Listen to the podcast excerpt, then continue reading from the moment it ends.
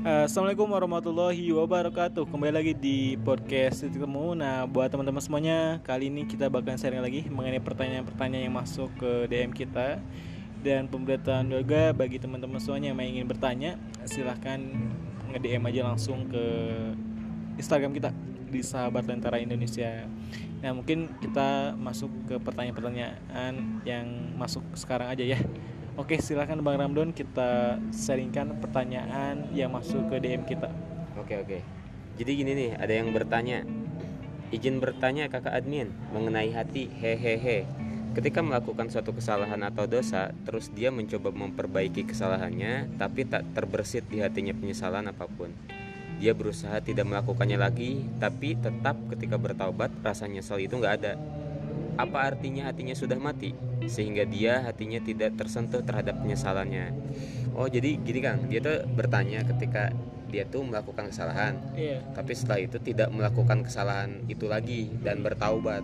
Tapi dia ngerasa tidak ada rasa penyesalan. Hmm. nah kira-kira taubatnya itu bagaimana? Dan dia bertanya apakah hatinya mati? Bagaimana iya. tuh kang Samsul? Ya buat teman-teman semuanya tadi ada pertanyaan mengenai hati ya mengenai kolbu. Nah alhamdulillah senang banget dapat pertanyaan ini. nah, buat teman-teman semuanya, untuk hal ini, pertama ada syarat mengenai pertobatan. Nah, syarat syarat tobat itu ada tiga. Pertama, menyesali perbuatan yang tadi dilakukan. Kedua, berjanji untuk meninggalkan perbuatan tersebut. Dan ketiga, membenci perbuatan tersebut. Hmm, berarti ada tiga tahapan dalam bertobat ya kan? Nah, betul. Nah, si Tete tadi yang penanya menanyakan bertobat terus tapi tidak ada penyesalan. Nah sebetulnya itu tobat betul, tapi tobatnya belum sempurna kayak gitu. Hmm, Oke. Okay. Nah, jadi bagi siapa pun yang ingin bertobat, terus belajar bertobat, sempurnakan tobatnya, perbanyak istighfar, sholat tobat dan sebagainya, perbanyak ibadah juga. Tapi tahapan-tahapan itu harus dilaksanakan juga. Jadi harus ada rasa penyesalan terhadap apa yang telah dilaksanakan telah dilakukan sebelumnya. Terus harus berjanji untuk tidak meninggal mening, berjanji untuk meninggalkan perbuatan tersebut. Dan juga yang ketiga harus membenci perbuatan tersebut. Terus berusaha nah terus kang gimana kalau misalkan terjumus lagi ya? Nah, dalam dosa itu gimana tuh kan jadi eh, Habib Umar bin Hafiz pernah menyampaikan bahwa walaupun kita terjerumus sebanyak 10, 70 kali atau 100 kali dalam sehari ke maksiat yang sama kita jangan pernah putus asa dan terus bertobat kepada Allah Subhanahu taala sampai uh, kita tuh bener-bener terus bertobat sama Allah Subhanahu taala. Walaupun kita dalam sehari misalkan terjatuh ke dalam dosa yang sama sebanyak satu kali. Jadi kita harus bangkit terus untuk bertobat kayak gitu Bang Ramdan. Buat tetehnya juga. Oke berarti uh, tentang penyesalan tadi nggak apa-apa itu tetap dinamain tobat ya meskipun ah. nggak ada penyesalan tapi alangkah baiknya pertobatan itu diiringi dengan rasa penyesalan. Ya, betul. Jadi lebih sempurna lagi pertobatnya itu dengan ada rasa penyesalan. Ya mungkin dan ini juga buat teman-teman yang rasa bahwa Allah tuh tidak akan mengampuni kita ya Allah tuh mau pengampun. Uh, ampunan Allah tuh luas banget. Jadi ya jangan sampai berputus asa untuk bertobat dan mungkin semoga uh, pertanyaannya terjawab ya iya betul oh iya Bang Ramdan uh. mengenai hal ini nih uh, teman-teman saya ingatkan kembali ketika saya di Bandung Ustadz Hana atau kan terkenal tuh Ustadz Hana di Bandung ya hmm. base camp lah pemuda hijrah di sana terus ada juga Kang Hadi, Kang Hadi Boni iya oke okay. nah jadi sering menyampaikan bahwa Inna Allah sungguhnya Allah uh, inna uh, apa? Oh inna Allah yuhibu tawabin wa yuhibbul mutatohirin Sungguhnya Allah itu mencintai orang-orang bertobat dan menyucikan diri. Jadi Allah tuh senang banget dan cinta banget kepada orang-orang yang melakukan kesalahan lalu bertobat kepada Allah SWT lalu menyucikan diri. Allah tuh senang sama orang yang bertobat dan mencintai orang-orang bertobat. Jadi teman-teman jangan pernah putus asa siapa pun anda siapa pun kita ketika kita bersalah dan kita bertobat kita tuh punya kesempatan untuk dicintai Allah Subhanahu taala. Jadi jangan pernah putus asa. Banyak kok kisah-kisah ya. Mungkin kisah ini udah familiar kayak pezina yang ngasih minum kepada uh, seekor anjing. Yeah. Lalu ternyata Allah memberikan kasih sayangnya kepada pezina tersebut dengan memasukkan ke dalam surga. Ya.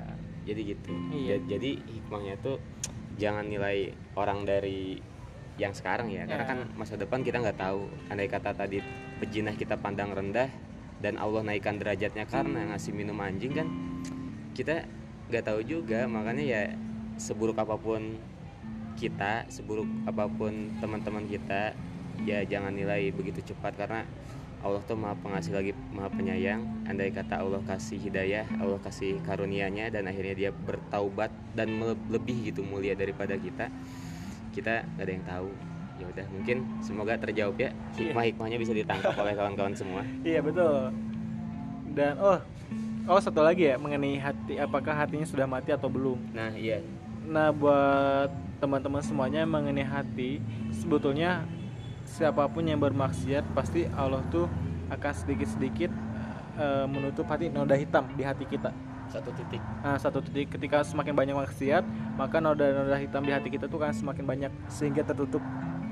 Hmm, Nah, iya. kalau di Al-Qur'annya itu Ustadz Al Busoman pernah menyampaikan ada di surat Al-Baqarah kalau salah, khatamallahu ala qulubihim wa ala samihim wa ala absorihim gisawah.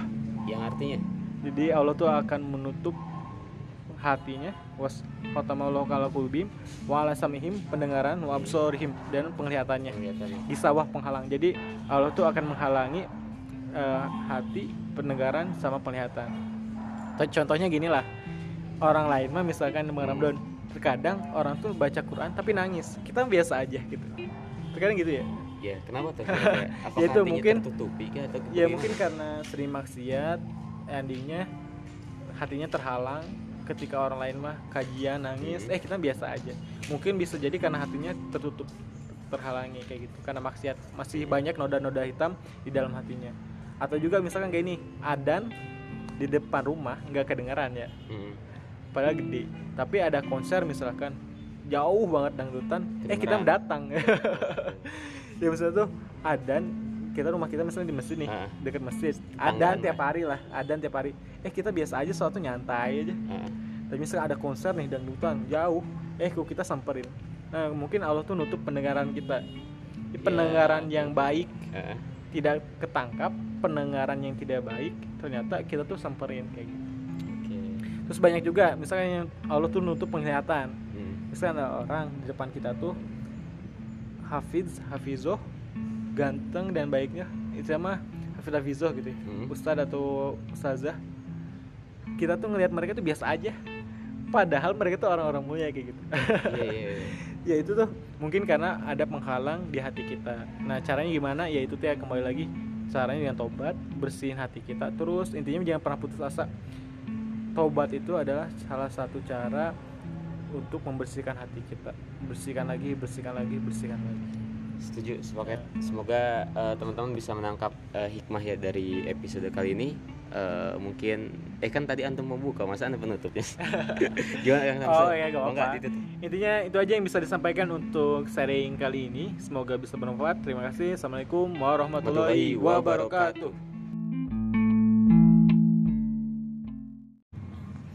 Assalamualaikum warahmatullahi wabarakatuh Nah buat teman-teman semuanya Kembali lagi di podcast Titik Temu Nah pada kesempatan ini buat teman-teman semuanya Tentunya kita bakal sharing lagi mengenai kehidupan sehari-hari Nah khusus pada episode kali ini Kita bakal sharing mengenai cara Bagaimana cara mengingatkan Ingatkan kepada teman teman oke jadi kita bakal sharing tips tentang cara mengingatkan teman. Dari Bang Ramdan dulu gimana? Pernah ngingetin teman? Sering dong. Sering lah Nah, gimana sih tips-tips agar kita bisa mengingatkan teman tapi tidak menyakiti hatinya? Jadi cara-cara yang tepat, yang baik agar teman kita bisa ikut serta dalam kebaikan. Itu gimana tuh Bang Ramdan caranya? kalau dari ini kan berdasarkan pengalaman pribadi ya Iya, pengalaman. kalau saya pribadi itu eh, ngingetin teman tuh eh, saya mikir bahwa tugas kita peran kita tuh bukan sebagai ulama teman kita tuh hanya sebatas teman doang. Kalau terlepas teman kita andai kata melakukan kesalahan ya tugas kita hanya mengingatkan jangan ngelakuin itu jangan ngelakuin ini. Jadi Iya. kita tuh nggak ada nggak ada hak sebetulnya nggak ada hak buat menghakimi teman kita bahwa eh, lu salah eh, kamu salah. Jadi kita nggak nggak perannya nggak di situ. Lebih kepada misalkan kalau dia ngelakuin sesuatu yang melanggar syariat andai Iya. kata kita nasehatin bahwa itu tuh nggak baik loh buat uh, diri kamu tuh. Hmm. itu tuh nggak baik buat teman-teman sekitar. Jadi kalau saya pribadi perannya lebih kepada mengingatkan sih. Dan mengingatkan itu sendiri bukan sebagai hakim lebih kepada teman aja. Teman kan tugasnya ngasih eh, apa kepedulian Iya. ngasih pandangan ngasih nasihat. Dan tugasnya gitu doang teman jadi kalau dari saya pribadi nih kang eh, Ca- teman caranya itu gimana tuh? Bahasa halus bahasa gimana oh tuh contohnya? Ah contoh-contoh realnya gimana tuh kang? Contoh realnya tuh gini kalau andai kata ada teman saya tuh eh, contoh ya andai kata ada yang minum nih minum minuman keras. Nah eh, mungkin kalau saya nggak bakal bilang bahwa hammer itu haram karena ya kan emang udah jelas haram kan di mata betul, agama. betul. tapi lebih kepada bilangin bahwa eh, hammer tuh atau minuman keras yang kamu minum itu ya itu bakal merusak tubuh kamu. Ya andai kata 10 tahun lagi beberapa tahun lagi tuh efeknya baru terasa. Jadi Ah, saya sendiri ngasih pandangan ngasih apa ya sudut pandang lain buat dirinya. Oh, jadi iya, buat kalau kamu ya. eh, kalau kamu ngelakuin itu ya ya yang rugi ya kamu sendiri. Dan terus tambah juga mengenai eh, daripada pakai buat itu mending buat sedekah atau Iya. buat eh, ngas buat hal-hal lain ya gitu yang lebih bermanfaat andai kata dia mau menikah gitu kan bisa juga buat Nabung. tabungan nikah jadi Ah, kalau dari saya, saya pribadi eh, lebih kepada ini sih kang lebih kepada perannya itu lebih ngingetin sebagai teman hmm. nah kalau itu dari saya kang jadi saya nyebutnya saya anda atau kamu antum anda gimana ya? bebas aja ya bebas aja Yaudah, kalau dari kang Samsul gimana nih cara mengingatkan teman Oke, cara mengingatkan teman nih, tips-tipsnya. Dulu tuh pernah ikutan kajian. Jadi kalau cara nasehatin teman, pertama kita tuh harus eh, bisa dibilang jangan di depan umum lah. hmm, Nah, ya, itu ya. yang disampaikan oleh Imam Syafi'i kalau saya, Ah. iya kan? Jadi kalau depan umum tuh sama aja kayak kita tuh ngerendahin, Mempermalukan. mempermalukan. Jadi pertama jangan di depan umum. Jadi ya lagi berdua tepat waktu lah istilahnya itu. Momennya lagi pas untuk bisa mengingatkan. Pertama itu. Kedua, sampaikanlah dengan kasih sayang, dengan penuh kepercayaan dan rasa cinta. Jadi jangan sampai benci. Jadi Nabi itu ngingetin ke para sahabat dan sebagainya tuh memang dengan orang lain tuh udah jatuh cinta. Jadi kalau kita pengen ngingetin teman, pertama tuh tepat waktu tuh maksudnya itu jangan depan umum. Kedua, jadilah orang yang dicintain atau dipercaya oleh teman itu tersendiri. Oke, Nah, oke. jadi orang yang kita akan ingetin tuh usahakan dia tuh jatuh cinta dulu ke kita atau percaya dulu ke kita. Jadi pas ngingetin tuh emang dia yakin bahwa apa yang kita sampaikan tuh karena rasa cinta kayak gitu. Iya, benar. Nah, gitu. terus yang ketiga Nah, yang ketiga pelan-pelan sedikit-sedikit jadi bertahap. Jangan langsung to the point ke dalil. oke Nah, jadi kasih pemahaman lain. Contoh dulu tuh teman-teman semuanya ada seorang pemuda Bang Ramdon Ah, yang izin kepada Nabi untuk izin berzinah. Ingat gak? Saya tuh mau masuk Islam tapi mau Ah. berzinah. tetap jinah Nah, ah gimana tuh terus kata Nabi, Nabi gak langsung bawa dalil kamu jangan berzinah, tapi Nabi itu ngasih pemahaman lain, sudut pandang lain kayak yang tadi Bang Ramdon sampaikan. Kalau kamu punya ibu, terus ibu kamu dizinahin, kamu ridho gak? Nah, jawab si pemuda, saya gak ridho. Oh Ingat kayak gitu? iya iya parah parah parah Nah, terus Ah. yang kedua, pertanyaan adalah kalau kamu punya bibi, terus bibi kamu dizinahin oleh orang lain, kamu ridho gak? Jawaban juga nggak ridho pemuda tersebut. Yang ketiga, terus kamu punya adik perempuan gak? Sudah perempuan? Kalau punya, terus kalau misalnya sudah perempuan kamu dizinahin, kamu ridho gak? Saya ridho. Nah, begitulah orang lain. Mereka gak mau ibu mereka, bibi mereka, ataupun saudara mereka dizinahin oleh orang lain. Nah setelah itu pemuda tersebut membenci, membenci perzinahan. Jadi Oh, iya. jangan langsung dalil. Ah. Orang lain pasti kemungkinan besar tahu lah dalilnya ya. Ah, Tapi sampaikan sudut pandang lain, efek sampingnya. keburukannya Nah, iya. sudut pandang yang luas. Jadi ketika kamu misalkan narkoba dan sebagainya itu sudut pandangnya perluas bahwa efek-efeknya itu A B C D dan sebagainya. Begitupun dengan zina, A B C D dan sebagainya. Jadi sampaikanlah pemahamannya dulu bahwa ini tuh tidak baik. Jadi setelah luas ini baru nanti mengingatkan kembali kemungkinan besar saudara-saudara kita udah tahu juga sih dalilnya. Hmm.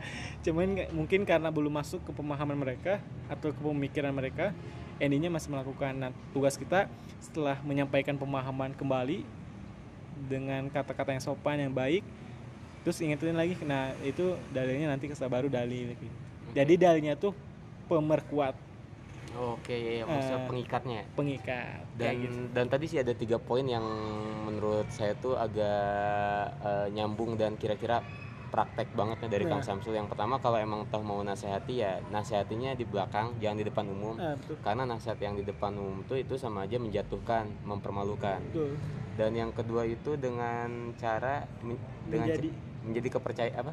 jadi orang yang bisa dipercaya Menjadi orang yang bisa dipercaya. Ah. Nah, eh, gimana omongan-omongan kita, nasihat-nasihat kita, ajak-ajakan kita kepada teman-teman kita tuh harus sesuai dengan diri kita. Jangan sampai ketika kita eh, melarang, eh bukan melarang ya, karena perannya teman tadi kan, Eh, perannya eh, perannya tadi kan kita nggak boleh, eh. maksudnya ngasih pandangan lain. Ketika kita ngasih pandangan seperti itu, tapi kita masih melakukan itu, tidak ada kepercayaan dari kitanya. Jadi kita harus bangun kredibilitas dulu dari pertamanya. Yang ketiga dan yang terakhir itu apa tadi? Yang ketiga apa? pemahaman Pemahaman. jadi memperluas menyampaikannya Oh iya, dari sudut pandang lain contohnya yang tadi Kang. Ah, Andai tadi. kata mungkin dari dalil mah bisa dipahami itu tidak boleh, tapi mungkin orang-orang mungkin ya untuk teman-teman kita yang masih baru ngerasa bahwa eh, mengenai halal haram tuh ya udahlah, maksudnya tuh ketika itu tuh kan diganjarnya tuh di akhirat doang. Ah, Ketika teman-teman kita mungkin disadarkan dengan hal-hal yang konkret yang ada Iya. di eh, dunia ini, ketika kamu ngelakuin ini, ini di dunia ya dampak buruknya ini. Jadi mungkin tiga rangkuman tadi menurut aneh ya Kang ah. menurut saya pribadi itu sangat berterima kasih kayaknya poin-poin tadi itu bakal saya terapkan sepertinya kan Iya, kita sering jadi bagi teman-teman juga yang punya tips-tips mengenai cara nasihatin teman, bisa dong DM ke kita dan informasikan. Mungkin bisa jadi ada tambahan lainnya. Oke Ya, iya, itu aja yang bisa disampaikan ya. Ah, Mudah-mudahan nanti bisa berbagai tips-tips lagi atau tata cara nasihat teman atau hal-hal lain deh. Mudah-mudahan bisa bermanfaat. Ya terima kasih ya. Yuk, Assalamualaikum warahmatullahi wabarakatuh. Assalamualaikum warahmatullahi wabarakatuh. Nah, buat teman-teman semuanya, kembali lagi di podcast Titik Temu. Pada kesempatan ini kita bakalan sharing-sharing mengenai tips-tips istiqomah. Langsung aja kita bahas tips istiqomah dari Bang Ramdan. Gimana Bang Ramdan tips-tips istiqomah supaya kita istiqomah dalam kebaikan ya. ah, Supaya kita ya naik turun iman udah sebuah kepastian. hmm. Tapi gimana sih kita supaya kita dalam kebaikan terus gitu. sebelumnya disclaimer dulu ya soalnya kan dari saya sendiri bukan ustadz bukan orang yang secara keilmuan tuh masya allah banget enggak cuman belajar belajar ikut ngaji ngaji aja jadi menurut pengalaman pribadi saya cara istiqomah yang paling simpel tuh yaitu kita tuh harus bersama dengan orang-orang yang satu frekuensi. Misalkan teman-teman kita harus sesuai dengan tujuan kita. Andai kata tujuan kita eh, apa ya sholatnya tuh rajin sholatnya tuh selalu melaksanakan sholat. Nah minimal kita punya teman-teman yang eh, minimal sholat juga. Jangan sampai ketika kita punya tujuan rajin sholat tidak meninggalkan sholat tapi kita masih teman-teman kita ya mayoritas tuh orang-orang yang sholat seingatnya. Hmm. bahkan ketika azan memanggil pun ya udah nanti dulu aja. Jadi kalau dari saya pribadi kan mungkin apa ya itu sih lebih kepada teman-teman. Karena bener banget teman-teman tuh berpengaruh. Karena bukankah eh, Rasulullah atau ada deh Rasulullah pernah bilang juga dan pernah dikutip juga oleh Ustadz katanya tuh gini eh, kita tuh tergantung eh, teman-teman kita dan teman-teman itu sahabat-sahabat itu mencuri tabiat kita jadi alangkah baiknya kita tuh menentukan eh, teman kita tuh siapa jadi bukan maksud memilih teman ya kita Ah. berteman dengan siapa aja tapi masalahnya kita Teman harus dekat ya. teman dekat atau sahabat sendiri kita harus memilih Iya. sesuaikan dengan tujuan kita jadi gitu sih kang kalau dari saya saya pribadi ya Berarti hal sederhananya tuh ya kumpul sama orang-orang soleh. kumpul dengan orang-orang soleh Iya. tombo ati apa tuh pak Iya, iya, betul. Benar-benar salah satunya berkumpul sama orang-orang soleh. Ya betul banget. Untuk tips itu benar juga sih. Salah satunya untuk istiqomah adalah berkumpul sama orang-orang soleh. Jadi itu Bang Ramdan ada ulama, Hmm. ulama terkenal banget pada masa itu lupa namanya. terus beliau ditanya ketika iman naik turun itu gimana? Terus beliau ketika naik imannya iya imannya luar biasa. Nah ketika turun iman beliau cara beliau adalah dengan cara berkumpul sama orang-orang soleh. Supaya termotivasi kembali. Di charger lagi di charger istilahnya. lagi. Nah kalau misalkan istilahnya kayak gini. Misalkan HP nih.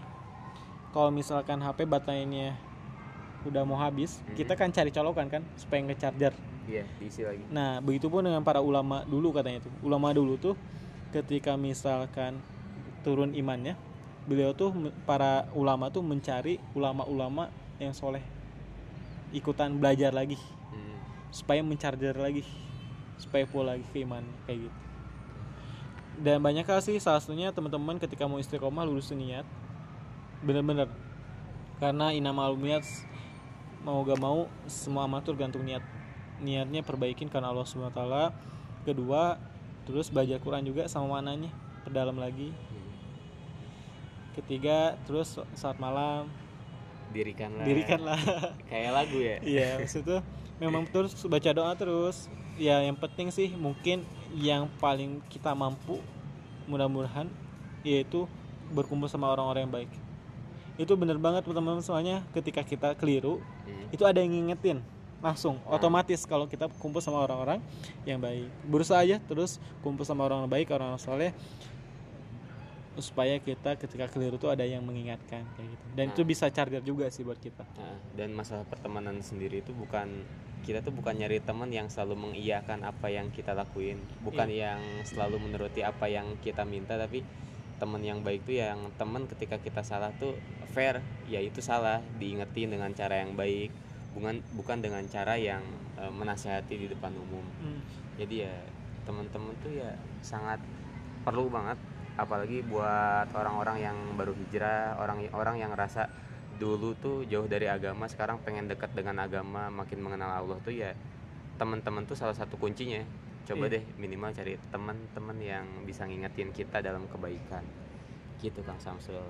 Ya betul itu aja mungkin ya tipsnya intinya mah jangan lupa perbarui niat lagi perbarui niat terus terus niatnya kan Allah Subhanahu Taala. Jangan lupa baca Quran atau istilahnya istilahnya istilahnya tetap belajar sih tetap Hmm. belajar. Dan yang paling penting juga adalah berkumpul sama orang-orang yang baik atau orang-orang soleh. Sepakat. supaya bisa saling mengingatkan satu sama lain. Tetap semangat. Berteman siapa aja pun boleh inget ya. Ah. perhatikan baik-baik ya, di garis bawahi. Berteman sama siapa pun diperkenankan diperbolehkan. Tapi untuk teman-teman yang selalu kumpul sama kita ikhtiarkan kita harus nyari yang baik-baik. Yang soleh. Yang soleh dan solehah agar kita tuh ketika kita turun imannya atau lagi down banget imannya kita tuh ada yang ngingetin kita supaya memotivasi kita ketika kita salah dan motivasi mau motivasi kita supaya kita tuh bangkit lagi. Oke, itu aja. Oke oke kan belum? Jadi gini, andai kata muncullah pertanyaan, andai Ah. kata gini, "Eh, Kang saya kan baru hijrah nih, Eh, teman-teman saya sekeliling saya tuh ya masih teman-teman lama dengan tongkrongan lama, circle lama. Nah kira-kira kira-kira pas saya sekarang hijrah, apa yang harus saya lakukan? Apakah kita harus meninggalkan teman kita sepenuhnya atau atau gimana tuh? Kita kan bingung juga tuh Nah. kalau memulai lagi dari awal. Harus nyari teman yang hijrah atau gimana tuh, Kang? Apa kita ya Oh, udah deh tinggal- bertanya. Iya, ini pertanyaan. Konteksnya tadi kan eh, kita harus nyari teman nih. Iya, iya. Kalau teman kita sebelum sebelumnya tuh ya teman-teman yang sama kita kayak Nah. dulu. Apa kita harus tinggalin? Apakah kita harus nyari teman baru nih yang sama-sama eh, tujuannya tuh sama satu frekuensi, satu Iya. visi gitu. Poinnya tuh bakal sana gitu. iya iya Gimana tuh, Kang? jadi kalau misalkan untuk pertemanan kalau teman siapa pun boleh ya nah Hmm. misalkan kita tuh baru-baru berubah jadi lebih baik lah Hmm. tapi kumpulan kita tuh masih teman-teman yang lama yang bisa dibilang tanda petik belum baik misalkan nah itu tergantung pribadi masing-masing Hmm. jadi yang kalau Agim tuh dulu menganalogikannya seperti ragi kalau kita ragi bisa apa sih istilahnya itu ter mewarnai mereka Hmm. lebih baik malah bagus bisa tetap kumpul sama mereka tapi kalau misalkan kita yang terwarnai Mending jangan. lebih baik kita jangan dulu mundur dulu kayak gitu itu sama halnya kisah pembunuh yang 99 orang Oke. jadi tinggalkan dulu lingkungan yang baik gak baik supaya belajar dulu baik terus Hmm. nanti ah, teman-teman harus wajib masuk ke lingkungan yang teman-teman yang dulu supaya ngingetin teman-teman yang lainnya kayak gitu Oh, kondisional juga ya. Tergantung jadi kondisi tergantung. kitanya. Kalau misalnya kita mampu bertahanan tetap istiqomah dalam kebaikan ya gak apa-apa berteman sama siapa pun Hmm. malah sama teman-teman dulu juga baiknya diajak juga untuk ikut serta sama kita Oke. tapi oke. kalau misalkan kita tuh masih apa ya gak stabil lah istilahnya tuh Ah, masih naik turun. masih naik turun terus kita kumpul sama orang-orang yang belum baik Hmm. nah kita tuh endingnya akan keajak-ajak hal-hal yang gak baik Oh iya. iya, nah oke. daripada hal itu terjadi lebih baik bagi orang-orang yang belum stabil ini meninggalkan perkumpulan ini dulu ke perkumpulan yang lebih baik dulu nah nanti tapi teman-teman jangan lupa ketika udah istiqomah udah Hmm. siap nah teman-teman harus kembali lagi ke teman-teman yang dulu untuk mengajak kayak gitu kumpul Hmm. lagi dan sebagainya itu nama solidaritas itu tinggi tapi sesuaikan sama situasi dan kondisi kitanya kalau bisa istiqomah dan kuat lebih baik ya gak apa-apa fine fine aja tapi kalau masih bimbang atau gak stabil atau belum belum kuat gitu ya bisa dibilangnya Hmm. lebih baik eh, berpindah dulu deh kayak gitu Oke. Terima kasih Kang Samsul sudah terjawab pertanyaannya. Yap, siap. Terima kasih. Wabillahi taufiq. Wassalamualaikum warahmatullahi wabarakatuh.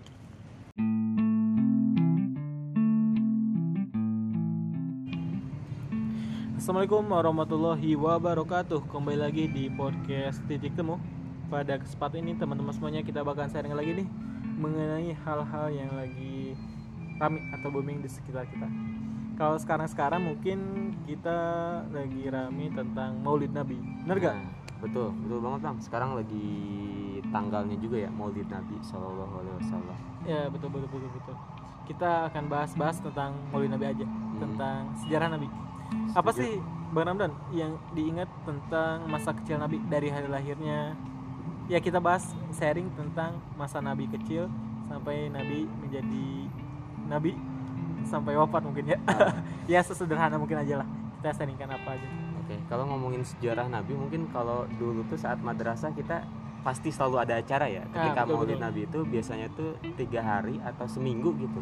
Jadi kalau di saya tuh eh, sekitar tiga harian, nanti nih teman-teman saya tuh digilir bacain gitu ya? eh, bergantian membacakan atau mengkisahkan eh, perjalanan hidup Nabi dari lahir sampai wafatnya. Eh, Nah di situ tuh momennya teringat banget. Jadi ketika dulu tuh masih hanya baca doang. Ternyata Iya. kalau sekarang masih diingat, kalau diingat-ingat, wah luar biasa ya bahwa Rasulullah tuh berdakwah dan perjuangan hidupnya tuh sampai segitunya buat umatnya. ah, betul. Jadi kalau yang saya terkenang tuh eh, waktu madrasah pak, Ah. madrasah tuh momen-momen ya belajar kayak gitu. Jadi Iya. ketika maulid itu yang saya inget tuh dulu pernah belajar loh tentang perjalanan hidup Nabi dan itu tuh eh, apa ya teringat banget. Jadi Iya, betul betul. eh, kenangan manis lah gitu pak. Nah, bahkan di hari lahirnya pun banyak keajaiban-keajaiban ya. Mm. Pertama tentang eh, batu ay- api majusi yang mati, Hmm, yang padam juga. padam juga. Terus juga mengenai cahaya yang timbul ketika hari lahir Nabi. Mm-mm. Terus juga eh, ini yang yang terkenal apa pernah apa tuh? Tentara Abraha ya? Tentara Abraha. Nah, tentara gajah. Pasukan gajah Iya, yang yang menyerang Ka'bah. Nah, betul. Terus dikalahkan sama burung ababil. Burung ababil. itu juga terkenal juga bahkan itu sampai dikenal sebagai tahun hari kelahiran Nabi tahun Hmm. gajah kayak gitu kan Dan dikenal yang sekarang tuh 12 Robiul awal. Oh, iya betul nah itu banyak banget sih masa-masa kecil Nabi keajaiban-keajaiban ketika Nabi mau dilahirkan kayak gitu. Terus setelah Nabi lahir apalagi yang diingat Bang Ramdan?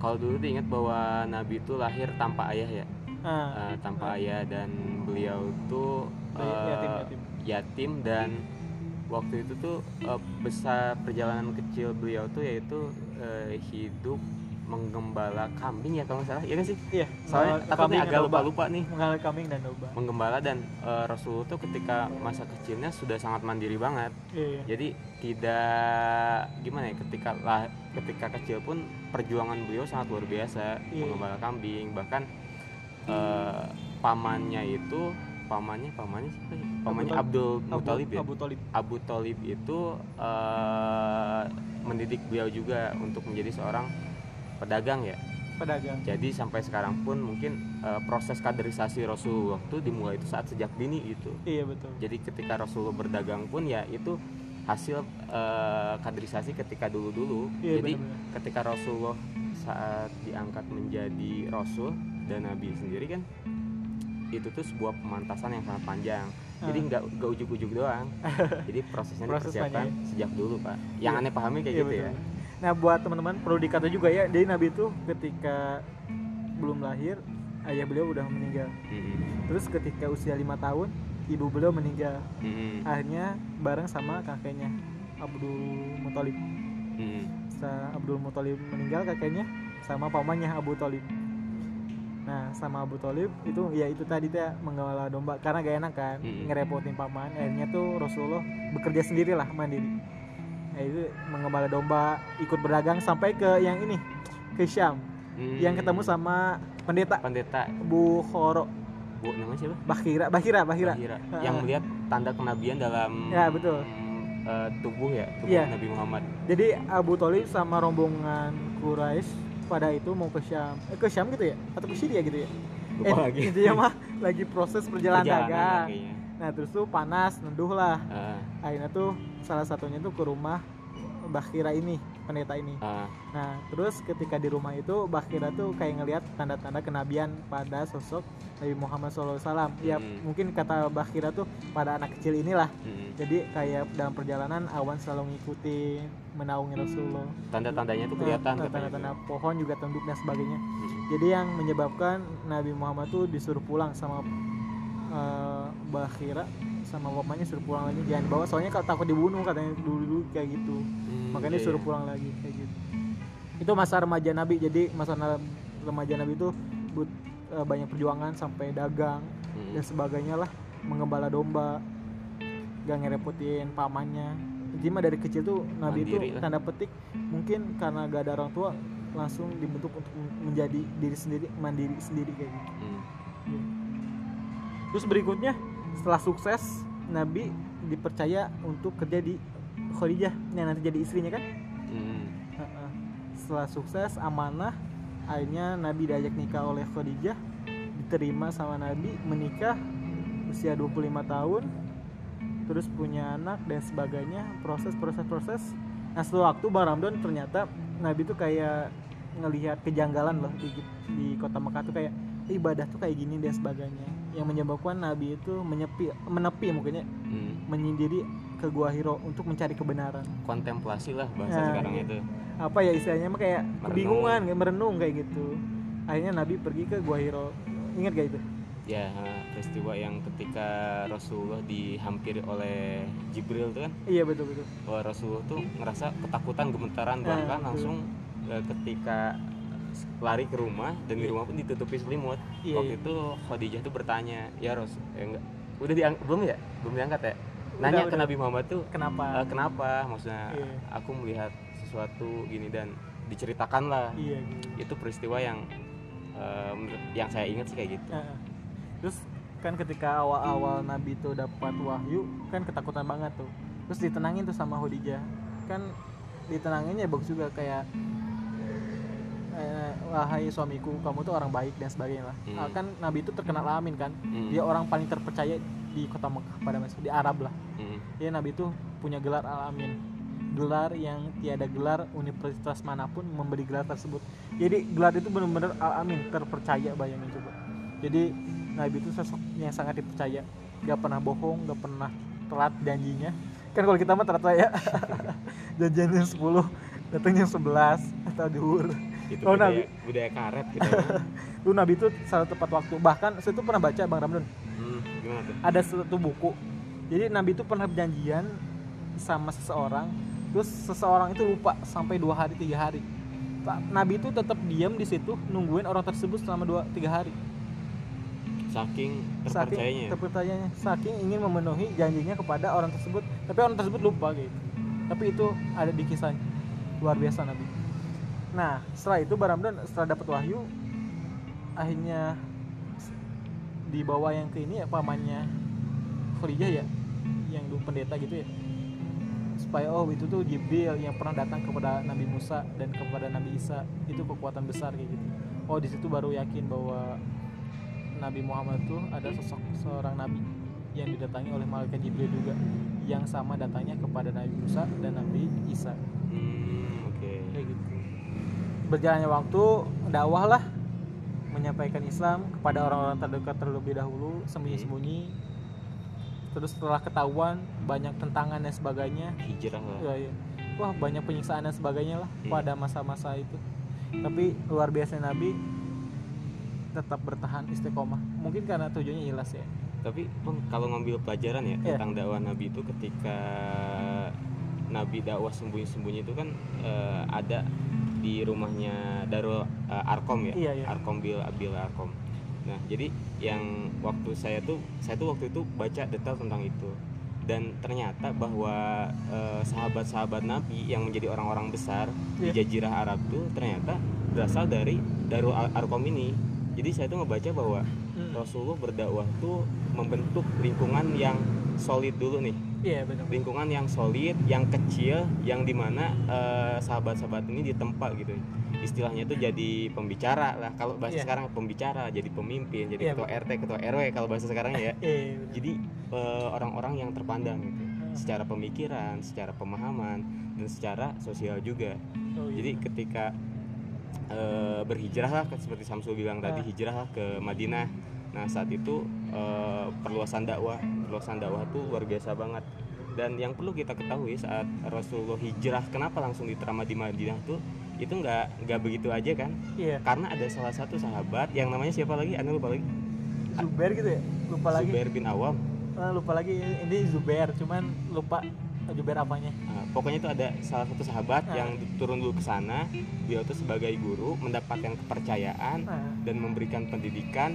Jadi eh, istilahnya tuh masang eh, apa ya masang ini loh maksudnya umat Islam. Islam tuh seperti ini. Akhirnya ketika Rasulullah pindah ke hijrah ke Madinah sendiri kan Madinah tuh udah siap ya? udah siap jadi nggak ada pertentangan. Iya benar-benar. Nah gitu. Itu proses yang menarik sih dari saya. Maksudnya ngerasa bahwa oh ternyata kalau kita mau melakukan sesuatu gerakan tuh pola-polanya tuh udah Rasulullah Ah. contohin Oh iya benar. Nah teman-teman juga ini tuh salah satu kaidah ya. Nah Hmm. mengenai apa yang dilakukan Nabi di Mekah itu ada tentang di kitab Talim Talim juga yang dulu pernah disampaikan. Jadi Nabi itu ngajarin tauhid dulu. Jadi waktu di Mekah itu sholat tuh belum diwajibin. Jadi masih sholat yang sholat sore, sholat pagi. Jadi belum eh, belum diwajibin untuk lima rakaat. Ada sholat tapi belum diwajibin lima rakaat. Kayak puasa juga belum diwajibin di, pas di Mekah belum Hmm. belum diwajibin. Jadi waktu di Mekah tuh semuanya fokus kepada ilmu tauhid Hmm, pengenalan dasarnya Allah dulu ya dasarnya dulu makanya di kitab talim talim tuh hal yang pertama diajarkan adalah ilmu tauhid ilmu sholat dan sebagainya ilmu, ilmu sederhana dulu nah soalnya itu ah, pangkal titik poin utama yang harus dikenalkan kepada kita. Jadi harus kenal kita tuh ibadah ke siapa sih siapa Allah itu. Jadi pas di Mekah tuh benar-benar pengenalan kuatnya lebih ke ilmu tauhid. Nah, setelah di Madinah baru deh kayak puasa kayak pemerintahan kayak hukuman sosial sebagainya tuh itu diamalin di kota Madinah. Jadi waktu di kota Mekah tuh itu belum terlaksana. Jadi belum turun lah Hmm. aturan-aturan tersebut. Jadi masih bertahap. Nah setelah di Madinah baru deh kayak peraturan sosial pemerintahan dan sebagainya politik dan lain-lainnya tuh baru turun di Madinah kayak gitu keren ya proses adaptasinya tuh tertata secara strukturnya jadi nggak kalau Islam sendiri disampaikan dengan benar dengan cara-cara yang baik tuh menurut aneh ya nggak Ah. bakal ada penolakan tapi Iya. cuman kita aja yang kadang-kadang salah ya sebagai individu ya menyampaikan kebenaran dengan cara-cara yang eh, mangkarop sorangan istilahnya tuh ya. Iya. Wah Nabi itu luar biasa alaknya teman-teman semuanya. Apa mungkin pernah ingat di Barang Bro? Nabi itu diludahin. Heeh. Tapi Nabi itu ngelongok orangnya Eh, diludahin. orang, orang pertama orang Iya, benar. pertama yang ngelongokin orangnya ludahin beliau Iya bener. Dan luar biasanya sampai-sampai orang tersebut tersentuh oleh alak Nabi dan endingnya adalah Masuk orang tersebut Islam. masuk Islam. Nabi itu pun dengan kita pembelajaran bagi kita. Kita kita dihina apa pun itulah ya. Hmm. Kita gak boleh marah ya. Baik tetap berbuat baik. Kita dakwah dengan akhlak yang baik. Kita mah jangan sampai mengingatkan dengan cara yang kasar dan sebagainya. setuju. Pernah dengar ini gak siapa sih? Jadi Habib gitu Habib Nur Nur Megadop jadi Ah. orang lain tuh gak lihat Al-Quran gak lihat hadis. Mereka tuh lihat akhlak kita kayak gitu. Ah setuju nah setuju. gitu. Jadi kalau misalkan akhlak kita itu gak baik ya mereka tuh ngelihat Islam tuh ya gitu. Berarti Islam tuh gak baik. Jadi kita terus menunjukin Islam yang baik kayak gitu yang orang lihat tuh bukan Al-Qur'annya ya tapi ya. malah kitanya yang menerapkan Al-Qur'an. Iya benar. Jadi kita tuh jadi istilahnya tuh objek penerapan dakwah. Jadi kitanya sendiri harus baik ya pak? Ah betul betul. Berusaha terus untuk lebih baik lebih baik. Tentu pasti gak ada yang sempurna ya di antara kita semuanya. Hmm. tapi berusaha untuk lebih baik lebih baik lagi kayak gitu. Setelah dari Madinah menyebar menyebar nyebar sahabat dan sebagainya. Wah luar biasa deh. Yang ingat tentang kematian Nabi apa Mbak Ramdan? Ke, ketika Rasulullah uh, saat detik-detik wafatnya ya uh, betul. menyebut nama umatnya tiga kali umati umati umati iya. itu momentum yang aneh tuh ngedenger ini tuh yeah. di Ustadz Yusuf Mansur ya yeah. momentumnya tuh kan Ustadz Mansur tuh jago banget mendramatisasi keadaan eh maksudnya emang emang gitu maksudnya storytellingnya keren lah yeah. Public speakingnya bagus public speakingnya bagus menceritakan tentang momen ini yeah. aneh tuh nangis lah lihat ternyata Rasulullah sampai segitunya yeah. mempedulikan Nabi ya mempedulikan Nabi umat. memperdulikan umatnya yeah. itu sih kalau aneh yeah. jadi teman-teman semuanya kalau yang pernah saya dengar tuh Nabi itu itu tuh sakit akibat diracun oleh wanita Yahudi itu sakitnya tuh racunnya tuh selama 4 tahun kerasa masih kerasa sampai wafatnya beliau nih Nabi yang mulia tuh sakit ketika mau wafat beliau masih ingat kita gitu masih ingat banget lah ke kita hmm. intinya mah masa kita yang yang diingat masih gak ingat ke Nabi Nabi itu sayang banget sama kita jadi balaslah kebaikan Nabi kayak gitu Nabi mah gak kenal ke kita ya hmm. tapi beliau tuh sangat mencintai kita itu luar biasa Nabi gitu. bahkan di akhirat kelak pun Bang Ramdan Nabi itu akan apa ya istilahnya itu mensyafaati umatnya siapa pun jadi kita tuh harus terus berusaha memperbanyak salawat berbuat baik mengikuti meniru Nabi agar kita dapat syafaat dari Nabi Oke. mungkin secara sekilas mungkin kita udah ngobrolin banyak ya tentang uh. Nabi. Semoga sih teman-teman semua bisa uh, minimal sholawat deh sehari berapa kali gitu. Biar sholat juga bisa uh. digabung kan.